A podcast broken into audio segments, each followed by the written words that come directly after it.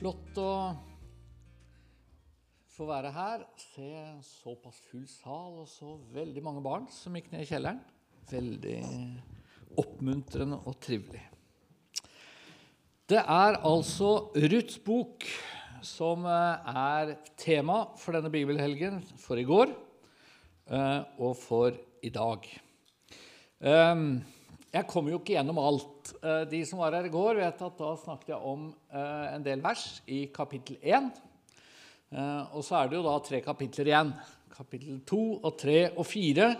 Og hele Ruths bok, ikke veldig stor, men 85 vers, gjør at vi hadde trengt litt mer tid for å komme innom alt. Så i dag så har jeg tenkt å trekke fram to tekster i kapittel 2 og i kapittel 3.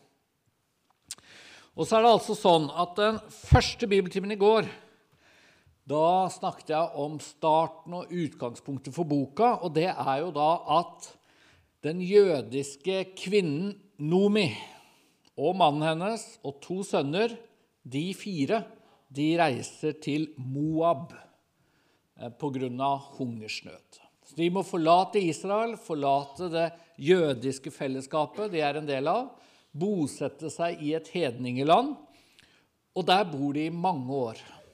Og de to sønnene de har med seg, de gifter seg, men så dør alle mennene.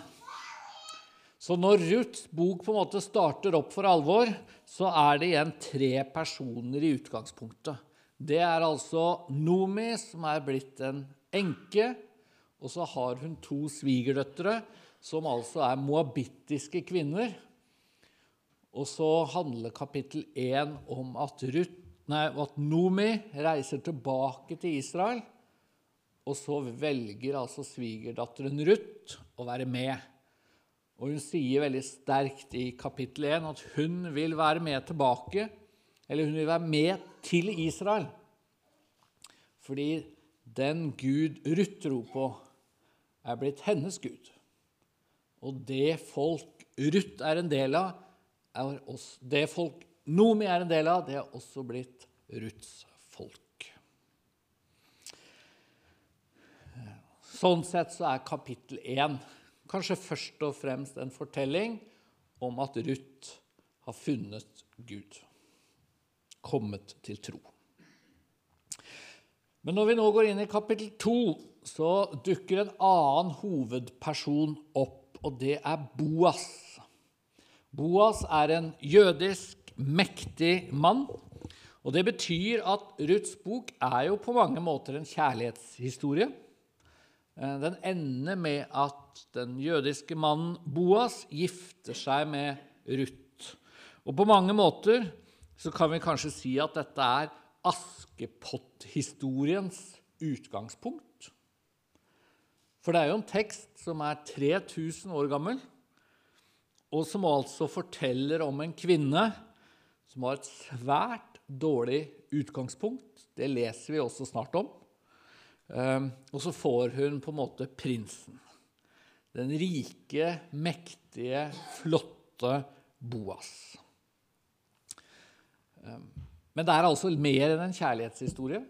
Det er også en fortelling som sier noe om hva betyr det for oss å tro på Gud? Hva bør det bety for oss å leve som et gudfryktig menneske, hvis vi kan si det på den måten? Og vi skal begynne med å lese 14, de første 14 versene av kapittel 2 i Ruths bok. Og Det er altså det første møtet mellom Ruth og Boas. Jeg tenker dette er en ganske vakker og levende tekst. Og det er nesten litt vanskelig å forstå at nå skal vi lese om livet for 3000 år siden i en helt annen sammenheng, helt annen kultur. Og likevel så tenker jeg det er noe veldig levende og gjenkjennelig ved en del av det vi skal lese.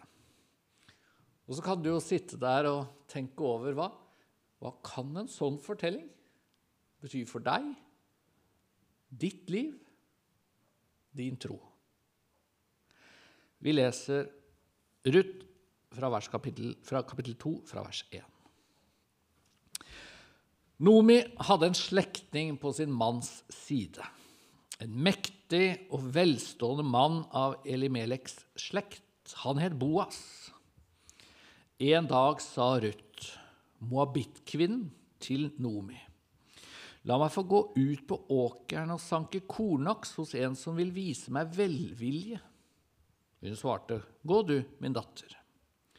Så gikk hun ut på åkeren og sanket aks etter åndefolkene. Det traff seg slik at åkerstykket tilhørte Boas, som var av Elimeleks slekt. Nettopp da kom Boas fra Betlehem. Han sa til åndefolkene Herren være med dere. De svarte ham, Herren velsigne deg. Boas spurte oppsynsmannen over åndefolkene, hvem hører denne unge kvinnen til? Oppsynsmannen svarte, det er den unge moabittkvinnen som fulgte med Nomi hit fra Moab. Hun ba, la meg få plukke og sanke aks mellom kornbåndene etter åndefolket. Hun kom i dag tidlig og har stått her helt til nå. Bare en liten stund har hun vært inne og hvilt. Da sa Boas til Ruth, Hør, min datter, gå ikke for å sanke aks på noen annen åker. Gå ikke herfra, men hold deg til tjenestejentene mine. Hold øye med hvor på åkeren åndefolkene arbeider, og følg etter dem. Jeg vil si fra til karene at de ikke skal røre deg, og blir du tørst, så gå bort til krukken og drikk av det som tjenestefolkene øser opp. Da kastet hun seg ned med ansiktet mot jorden og sa, Hvorfor ser du på meg med velvilje og tar imot meg, enda jeg er en fremmed? Boa svarte henne, Mer enn én gang har de fortalt meg om alt du har gjort for din svigermor etter at mannen din døde. Du forlot din far og din mor og ditt fedreland og dro til et folk du ikke kjente fra før. Herren skal lønne deg for det du har gjort. Måtte du få fullt vederlag fra Herren, Israels Gud, når du nå har kommet for å søke ly under hans vinger. Hun sa, Måtte du fortsatt se på meg med velvilje, Herre, for du har trøstet meg og snakket vennlig til din tjenestekvinne, enda jeg ikke engang er som en av kvinnene i din tjeneste.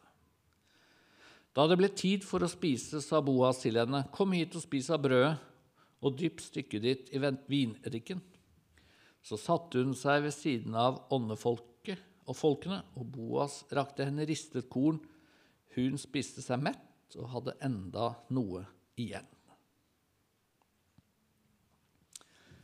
Møtet mellom Ruth, en fattig eh, hedningekvinne sånn opprinnelig, og denne Boas, som altså er i slekt med svigermoren til Ruth, og som også eier dette eh, jordstykket.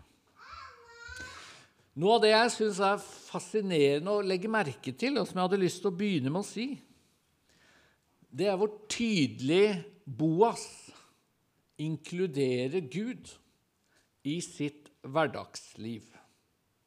La du merke til det? At når han altså tydeligvis har vært på reise, kommer tilbake, treffer igjen arbeidsfolket sitt, så er det det første han sier, det er 'Herren være med dere'. Og så får han en hilsen tilbake. Og det første han sier til Ruth, det er at han sier 'Må Gud lønne deg'. Sånn sett så tenker jeg at denne lille fortellingen den minner oss om at kristendom, gudstro, det handler ikke bare om det som skjer når vi på en måte kommer inn i et gudshus, inn på et bedehus, når det er søndag klokka 11 og vi går på møte, eller for den saks skyld lørdag klokka 5.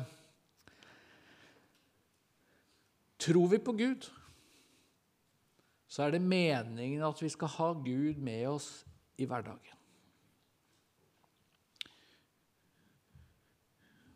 Gud bryr seg om hvordan vi lever i hjemmet vårt, hvordan vi opptrer på jobben vår, hvordan vi møter naboene våre, kristendom er ikke søndagsaktivitet bare,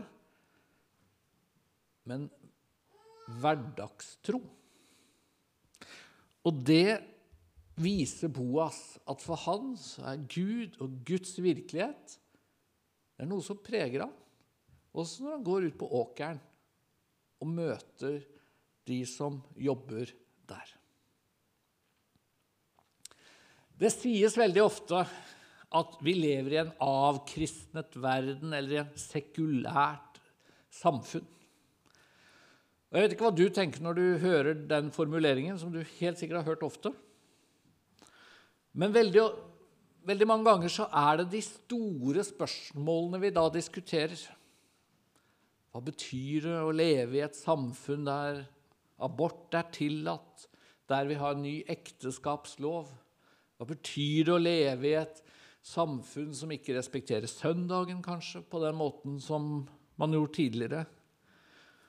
Og så kan vi lage en ganske lang liste over ting som viser at det norske samfunnet inkluderer Gud og kristen tro i mye mindre grad nå enn før. Og Noen av dere eldste dere kan lage en veldig lang liste over sekulariseringen eller avkristningen. Men så lurer jeg av og til på om er det sånn at vi som er kristne, vi, vi bruker det nesten som en unnskyldning. Eller det vil si, vi snakker om avkristning, om noe som skjer på en måte der ute, langt borte fra oss. For jeg tror at avkristning, eller kanskje den mest alvorlige formen for avkristning, det er at vi som faktisk tror på Gud, vi plasserer Gud litt for langt unna vårt liv, vår hverdag. Han blir på en måte ikke en del av dagliglivet. En del av hverdagen. Vi regner ikke helt med han.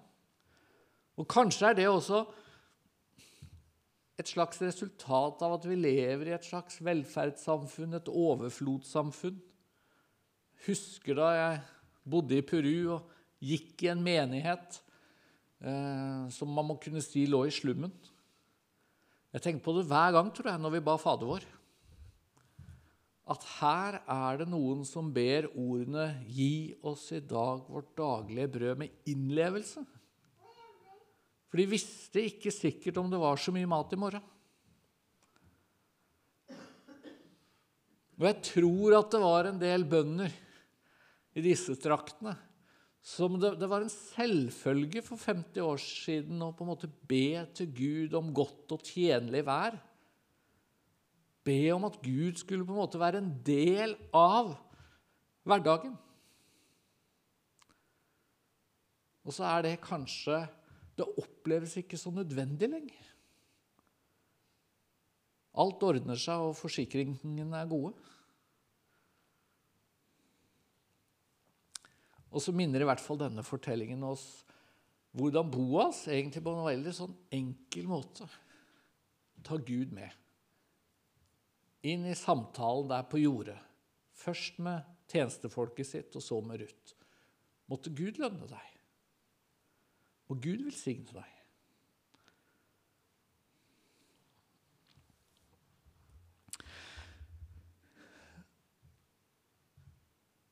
Så kan det jo virke som om Boas tenker litt sånn moralistisk om tro. Han sier jo disse ordene må Herren gjengjelde deg hva du har gjort. Eller må Herren lønne deg? Og så mener han det positivt. Han mener det positivt fordi, Gud, fordi Ruth har vært et godt menneske. Har gjort godt mot sin svigermor. Men setningen kan jo også brukes negativt. Man kan jo se for seg at i møte med noen som virkelig ikke har oppført seg bra, så sier man 'må Gud gjengjelde deg', og så skjønner vi at det, det kanskje betyr 'må Gud straffe deg'. Og det som i hvert fall ligger i det Boa sier, det er at Gud, han gjengjelder oss. Og hva skal vi tenke om det? Skal vi tenke det som kristne i vår tid.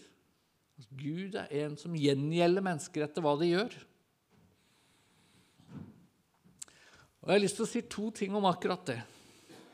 Det første jeg har lyst til å si, det er at det å håpe på, drømme om, lengte etter rettferdighet Altså at folk på en måte får som fortjent. Det er jo noe bra. Gud er en rettferdig Gud. Gud skal gjengjelde oss. Det er en slags grunntanke i Bibelen, kanskje enda mer sterkt til stede i Det gamle enn Det nye testamentet, men den fins begge steder. Og den tanken om at Gud skal på en måte sørge for rettferdighet, den får litt sånn interessante konsekvenser. Og Nå skal jeg lese en tekst som jeg har tenkt litt ekstra på i det siste. Fra Romerbrevet 12, og fra vers 17 til 19. Der skriver Paulus.: Gjengjeld ikke ondt med ondt. Ha tanke for det som er godt for alle mennesker. Hold fred med alle, om det er mulig så langt det står til dere. Ta ikke hevd, mine kjære, men overlat vreden til Gud. For det står skrevet, hevden hører meg til, jeg skal gjengjelde, sier Herren. Det som er fascinerende med den teksten, er at den på en måte begynner veldig sånn mildt og snilt, og på en måte som jeg tror vi tenker ja, men dette er fint. Ikke sant? Gjengjeld ikke ondt med ondt. Ha tanke for det som er godt er for alle mennesker. Hold fred med alle. Ta ikke hevn. Det høres veldig kristelig ut. Mildt og fint. Men så plutselig snur teksten litt om for en begrunnelsen. Når Paulus sier Ta ikke hevn, så føyer han til, men overlat vreden til Gud. Hevden hører meg til, jeg skal gjengjelde, sier Herren. Det er altså Det nye testamentet. Og Jeg har tenkt litt ekstra på den teksten, fordi jeg leste for, for ikke så lenge siden en bok av en britisk historiker som heter Tom Hallen. Han har skrevet en veldig interessant bok om hvor mye kristendommen på en måte gjennomsyrer all vestlig tankegang. Og så skrev han noe som jeg ikke kommer til å glemme. tror jeg, for Han skrev at når den franske revolusjonen kom, og det er noen hundre år siden, så var den veldig brutal. Eh, det var mange hoder som bokstavelig talt rullet. Og så prøver Tom Hallen å finne ut hvorfor ble det sånn. Og så er hans forklaring kanskje pga. ateisme.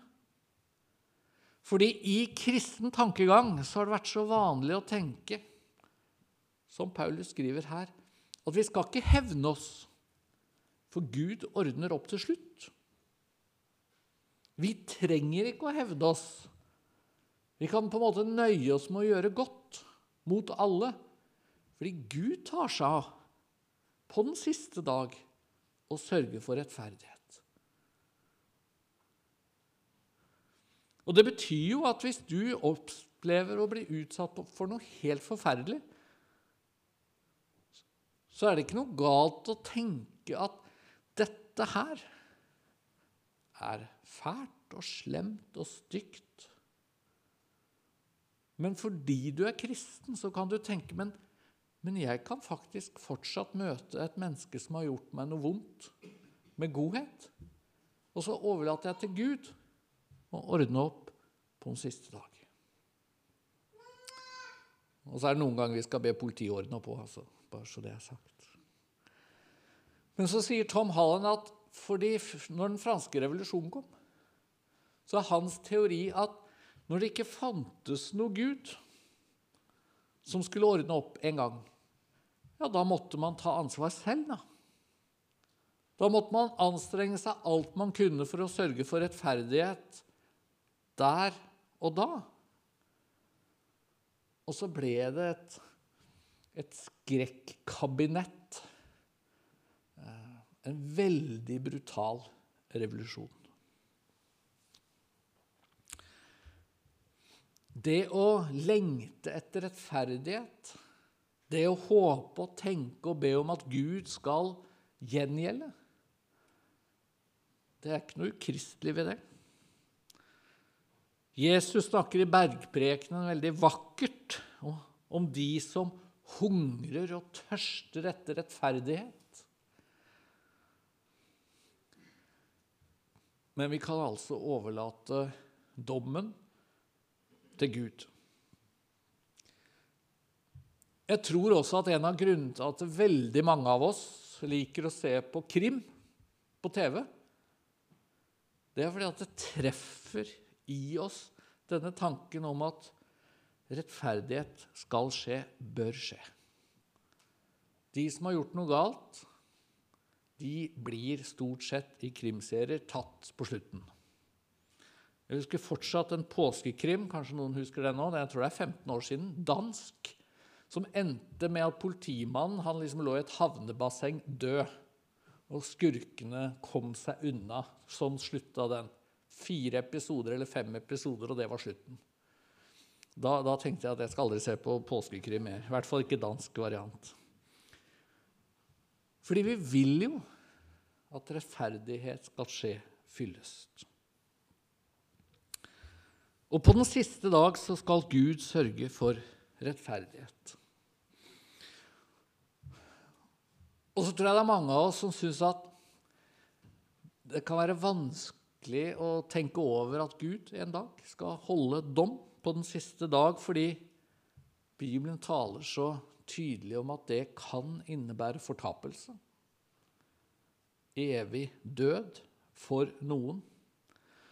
Og det er mye å si om det. Og det har jeg ikke tid til i dag. Men den viktigste trøsten til egentlig oss alle når temaet er Guds dom, er at Gud dømmer rettferdig. Det er liksom hele grunntanken bak ordene om at Gud skal komme igjen og dømme levende og døde.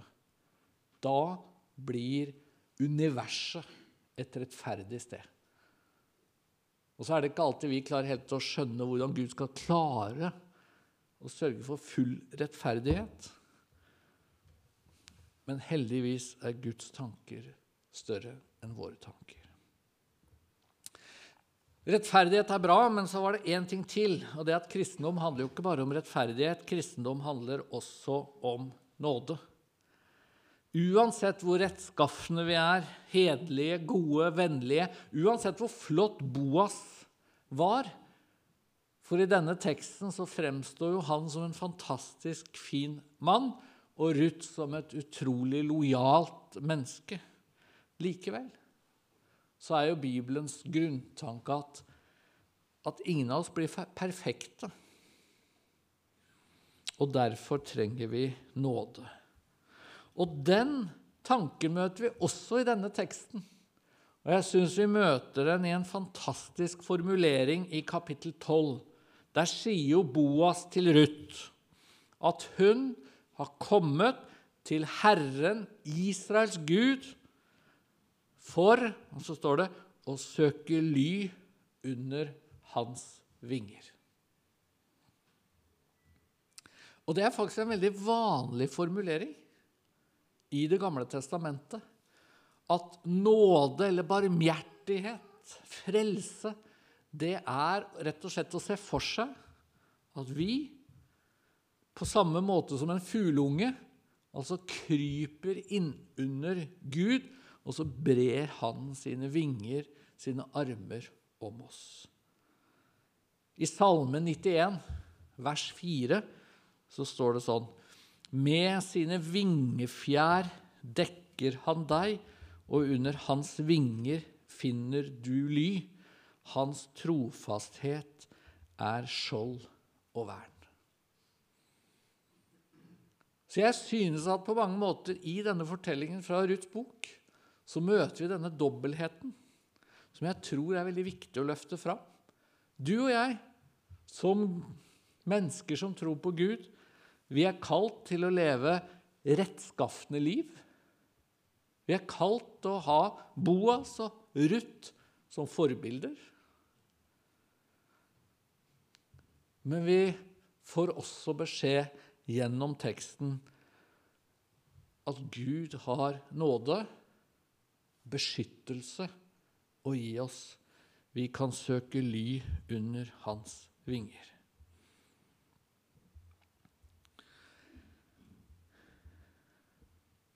Og så skal vi gå videre til kapittel 3. Det er eh, en tekst som har eh, forvirret mange bibellesere. Og så kan det jo være nyttig å se litt nøyere på den. Ehm, jeg tror vi bare hopper rett i det, og så skal jeg se litt nærmere på noen detaljer etterpå. Eh, da leser vi fra kapittel 3, fra vers 1 til 11.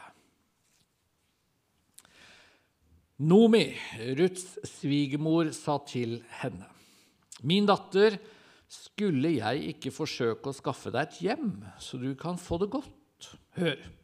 Boas er jo vår slektning, og det var hans tjenestejenter du var sammen med. Nå i natt kaster han bygg på treskeplassen. Du skal vaske deg og salve deg. Ta så på deg fine klær og gå ned til treskeplassen. Men gi deg ikke til kjenne for ham før han er ferdig med å spise og drikke. Når han legger seg, skal du merke deg stedet hvor han ligger. Gå så bort, ta teppet vekk fra føttene hans og legg deg der. Så vil han selv si deg hva du skal gjøre. Da svarte hun, jeg skal gjøre alt det du sier. Hun gikk ned til treskeplassen og gjorde alt som hennes svigermor hadde sagt henne. Boas spiste og drakk og ble glad til sinns. Så gikk han og la seg ved kanten av kornhaugen.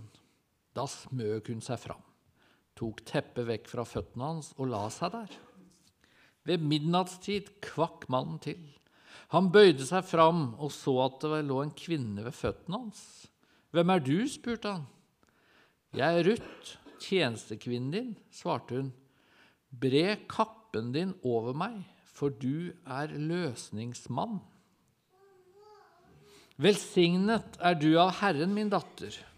Du har vist enda større trofasthet enn før ved ikke å gå etter de unge mennene, verken de fattige eller de rike. Og nå, min datter, vær ikke redd. Alt det du sier, vil jeg gjøre for deg. For alle som bor i byen, vet at du er en hederlig kvinne.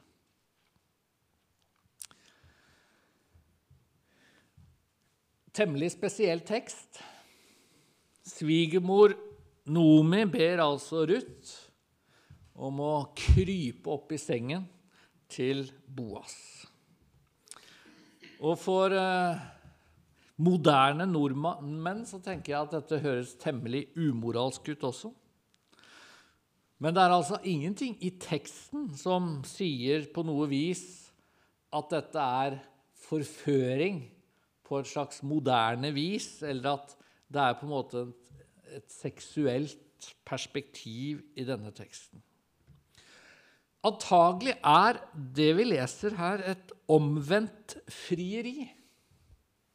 Altså Ruth frir. For Ruth sier, 'Bre ditt teppe over din tjenestepike'. Um, og det er egentlig, hvis man altså prøver å forstå hva man kunne si for 3000 år siden, så er det egentlig å si Kan ikke du gifte deg med meg? Og det er visstnok sånn den dag i dag at i en del arabiske stammer så er det sånn man, man, man markerer eh, giftermål. Man brer eh, teppe teppet sitt over sin brud. En tradisjonell skikk. Men så kan vi jo spørre er det alt vi skal snakke om eh, når det gjelder disse elleve versene. Her står vi overfor en slags kjærlighetsfortelling, 3000 år gammel. Og den har noen sånne kulturelle aspekter som fremstår veldig rare for oss. Og det var det. Men antagelig så er det mer å hente i denne fortellingen, for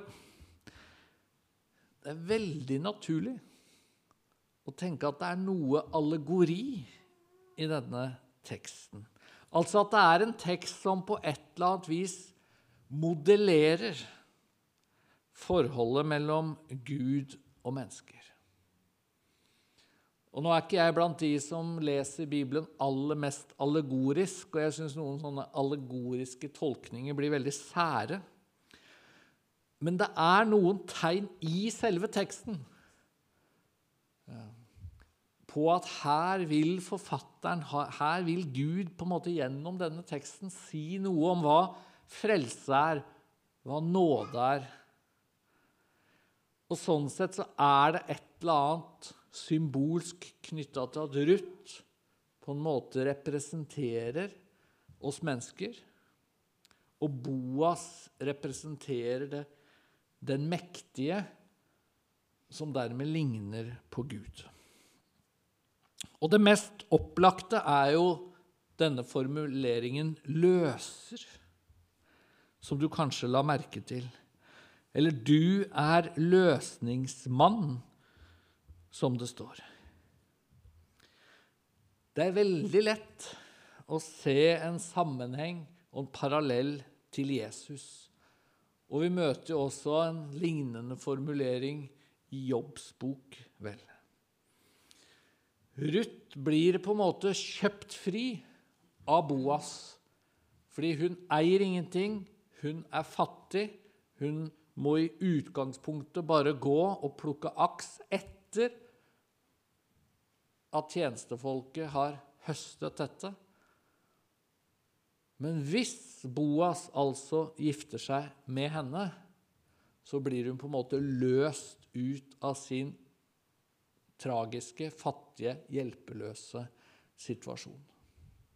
Og når vi veit hvor opptatt Bibelen og da Det nye testamentet er å si at, at frelse kan sammenlignes med at vi mennesker er som en brud, og Jesus er brudgommen som løser oss, så er det noe i denne teksten også som gir et signal om at Sånn er frelse. Frelse er at et fattig menneske nærmer seg et mektig menneske, og så blir vi tatt imot. Og så møter vi igjen dette bildet som vi møter i kapittel 2, ikke sant? hvor Boa sier 'Du har søkt ly under Guds vinger'. Og her søker Ruth ly under hans teppe og sier 'bre teppet over meg'. Og så gjør han det.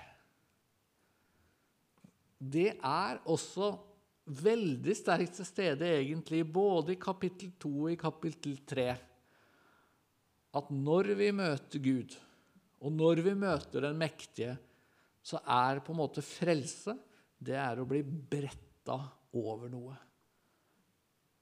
Og de av dere som har vært i nærheten av små barn som skal legge seg til å sove, det er noe av det hyggeligste man kan gjøre. Det er liksom 'tuck them in', som de sier på engelsk. Bre dyna rundt. Vise at 'nå er du trygg, nå beskytter jeg deg'. Og så et så på en måte dagligdags måte å vise et barn trygghet, beskyttelse. Sånn er det å møte Gud for oss. Det er det Gud gjør, og det er det Boas gjør med Ruth i denne teksten. Og Det er nesten så jeg har lyst til å si at når du legger deg i kveld og drar dyna godt rundt deg, så kan du tenke at, at sånn dekker Gud deg med nåde, tilgivelse han legger alt dette rundt deg som en beskyttelse. Og Det siste vi kanskje kan legge merke til også når det gjelder forholdet mellom Ruth og Boas, det er at Ruth snakker til Boas sånn som det på mange måter er naturlig for deg, for deg og meg å snakke til Gud. Det er en eller annen parallell der. I kapittel 2, vers 10, så sier Ruth Hvorfor ser du på meg med velvilje og tar imot meg, enda jeg er en fremmed? Akkurat det samme kan vi egentlig si til Gud. Hvordan kan det ha seg, Gud, at du møter oss med velvilje og tar imot oss, selv om vi ofte sammenlignes med det å være fremmede på denne jorda? Og i vers 13 sier Ruth, måtte du fortsatt se på meg med velvilje, Herre, for du har trøstet meg og snakket vennlig til din tjenestekvinne, enda jeg ikke engang er som en av kvinnene i din tjeneste. Litt på samme måte må vi også si det til Gud. Du har trøsta meg, du har snakka vennlig til meg, du har møtt meg med velvilje. Selv om det er en del ved mitt liv som tilsier at du kunne møtt meg på en helt annen måte. Det er nåde. Gud gjengjelder oss fordi Gud er rettferdig. Men når Jesus kommer inn i bildet, når frelsen kommer inn i bildet, så kan vi si med Salme 103 at han gjengjelder oss ikke etter våre misgjerninger. Det er nåde. Det er frelse.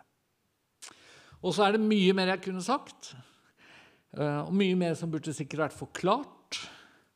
Eh, jeg har lyst til å si at les, bruk gjerne denne helga, i dag kveld, i morgen, til å lese hele Ruths bok. Det tar ikke så lang tid. Eh, det er en fortelling om Guds trofasthet, en fortelling om Guds plan. Og den slutter altså med at Ruth får sønnen Obed. Og Obed blir altså bestefar til kong David. Så det er en, også en veldig sånn sterk fortelling om at en fattig moabittisk kvinne får en helt sentral rolle i Guds frelsesplan. Og sånn sett også et vitnesbyrd om at når Gud velger ut noen, når Gud gir nåde til noen, når Gud sørger for å lønne noen, ja, da skjer det overraskende ting. Amen. Takk for at du ville lytte til denne podkasten fra Verningen bedehus. For mer informasjon om vår forsamling, besøk vbh.no.